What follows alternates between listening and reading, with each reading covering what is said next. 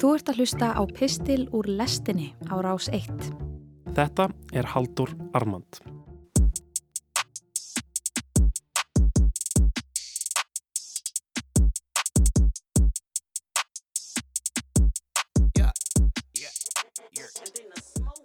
Ég sitt hérna eins og alvöru Íslandingur í betri stofunni í leifstöð. Svona byrjuðu skilabóð sem ég fekk nýlega. Ég er ný kliftur, ég skulda 10 miljóna á okkur vöxtum, ég held með Liverpool og ég er með einn ískaldan í lofanum sem ég borgaði ekki fyrir. Mér líður vel. Ég er Íslandingur á leiðinni til útlanda til að reyna að hafa gaman. Amen, vinnu minn, hugsaði ég. Það eru þessi litlu sigrar í lífinu við byggjum ekki um meira. Ég hef aldrei komið í Sagalands en ég get alveg ímynda mér að ef Guð er einhver staðar að finna á Íslandi þá sé hann líklega þar, hress og kátur, að njóta þess að fá alls konar ókipis. Fólkið í Sagalands vinnur lífið nefnilega tvísvar í hverju utanlandsferð vegna þess á leiðinni heim þá kemst það í fríöfnina.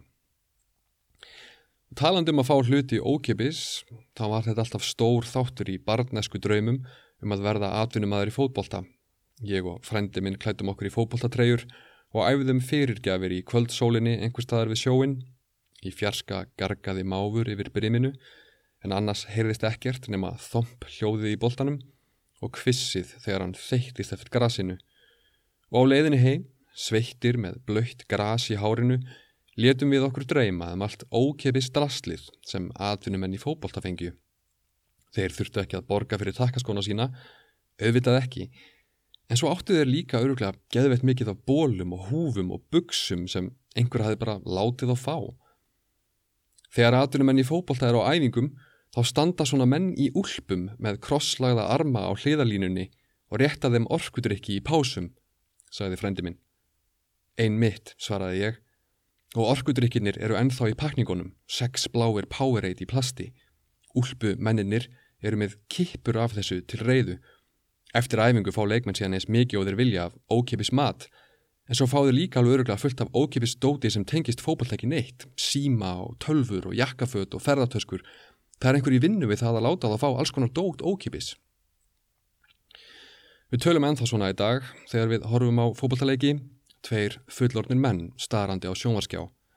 Það er kannski skot á bekkin þar sem kappklættir varamenn anda frá sér gufu í vetrarkulda. Sjáðu þennan segir frændi minn. Hvað heldur þau að þessi maður hafi oft fengið gefins nýja sokka á æfisinni, sokka sem eru ennþá með pappa meðanum og plastdraslinu á? Óteljandi oft, svara ég. Hann hefur öruglega átt svona 50.000 sokka á æfisinni. Sjáðu úlpuna sem hann er í. Hann má, má pottitt bara taka hana með heim ef hann vil. Öllum er sama. Hann getur þess að fengið aðra. Það skiptir engum máli. Hann er með fullt af úlpum í andirinu heima á sér sem hann borgaði ekki fyrir. Akkurat, svara frændi. Hann keirir heim eftir leik á stórum ádi-jeppa sem hann fjekk bara einhver staðar.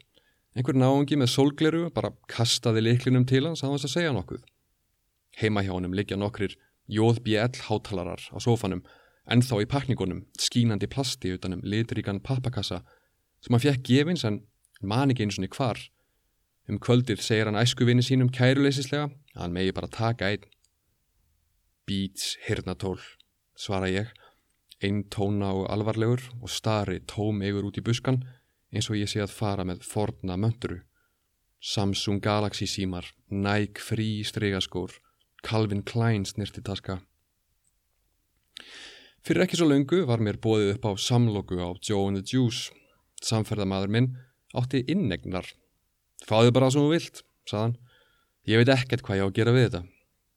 Get ég fengið shake líka? spurði ég og hjarta mitt titraði.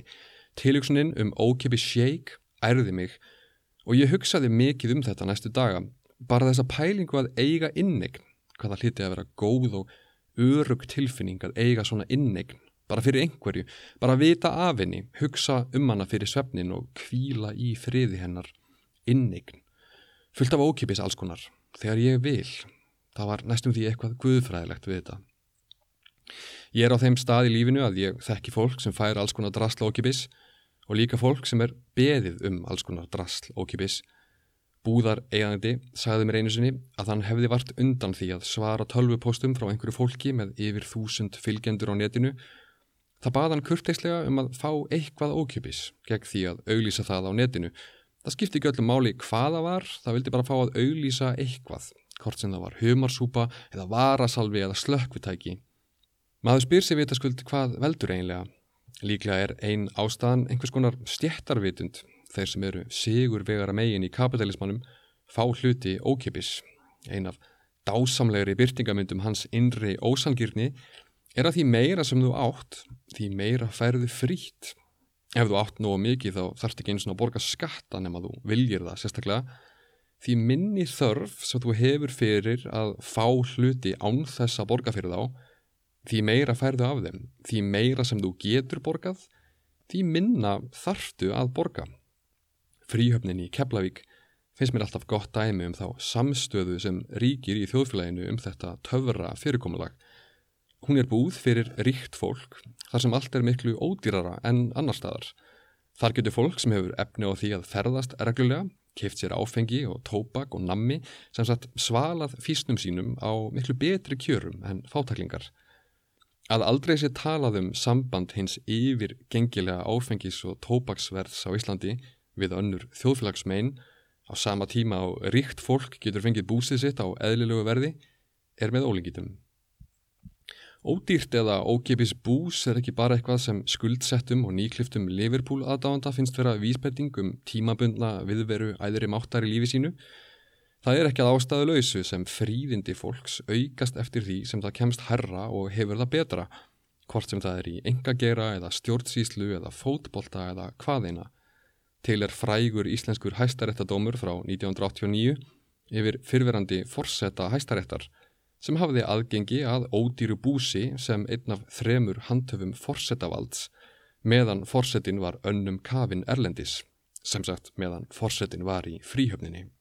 Nefna hvað að okkar maður gerði sér lítið fyrir og kifti litlar 2160 flöskur af áfengi á sérkjörum meðan forsetin var í burtu.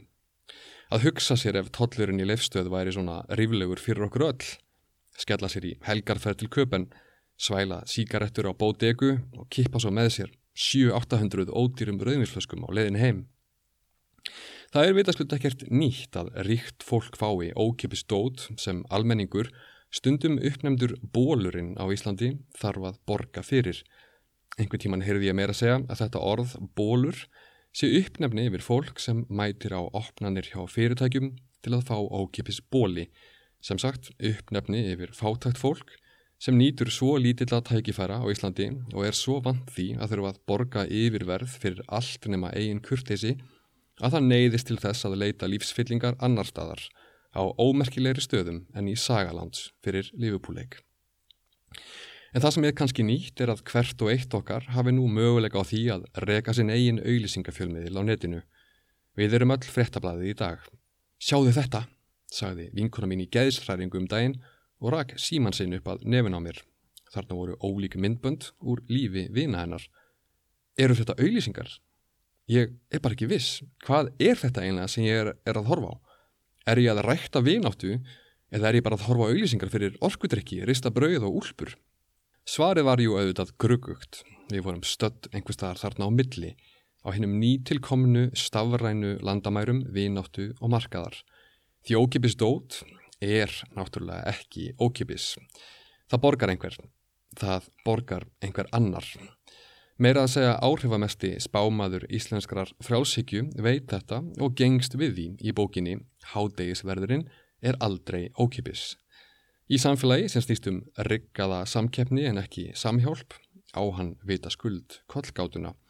Samlokurnar, orkudrykkirnir, hirnatólin, sheikarnir, bílarnir, allt þetta glingur sem blasir við þér þegar þú kastar mæðinni á kottanum í kvöld með bláa hel skímuna í anditinu var ekki og er aldrei ókipis. Þú ert greiðslan. Ítt á follow, síndu lit, verðu memm í peppinu og breyttu sjálfrið þér í gjaldmiðil í viðskiptum sem varða þig ekki neitt. Gjaldmiðilinn er settur saman úr auguþínum, sál, óta, dagdrömmum og framtíð vissulega allt saman ómetanlegir hlutir. En að geta logið að fólki gegnum vini þess er jú markastæki sem seint verður metið til fjár.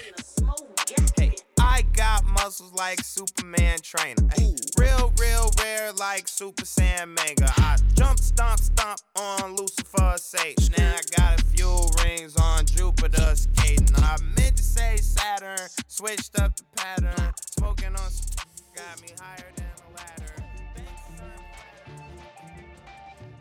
Þú varst að hlusta á Haldur Armand. Nýr pistill frá Halduri hljómar á hverjum þriðu degim í lestinni á rás 1.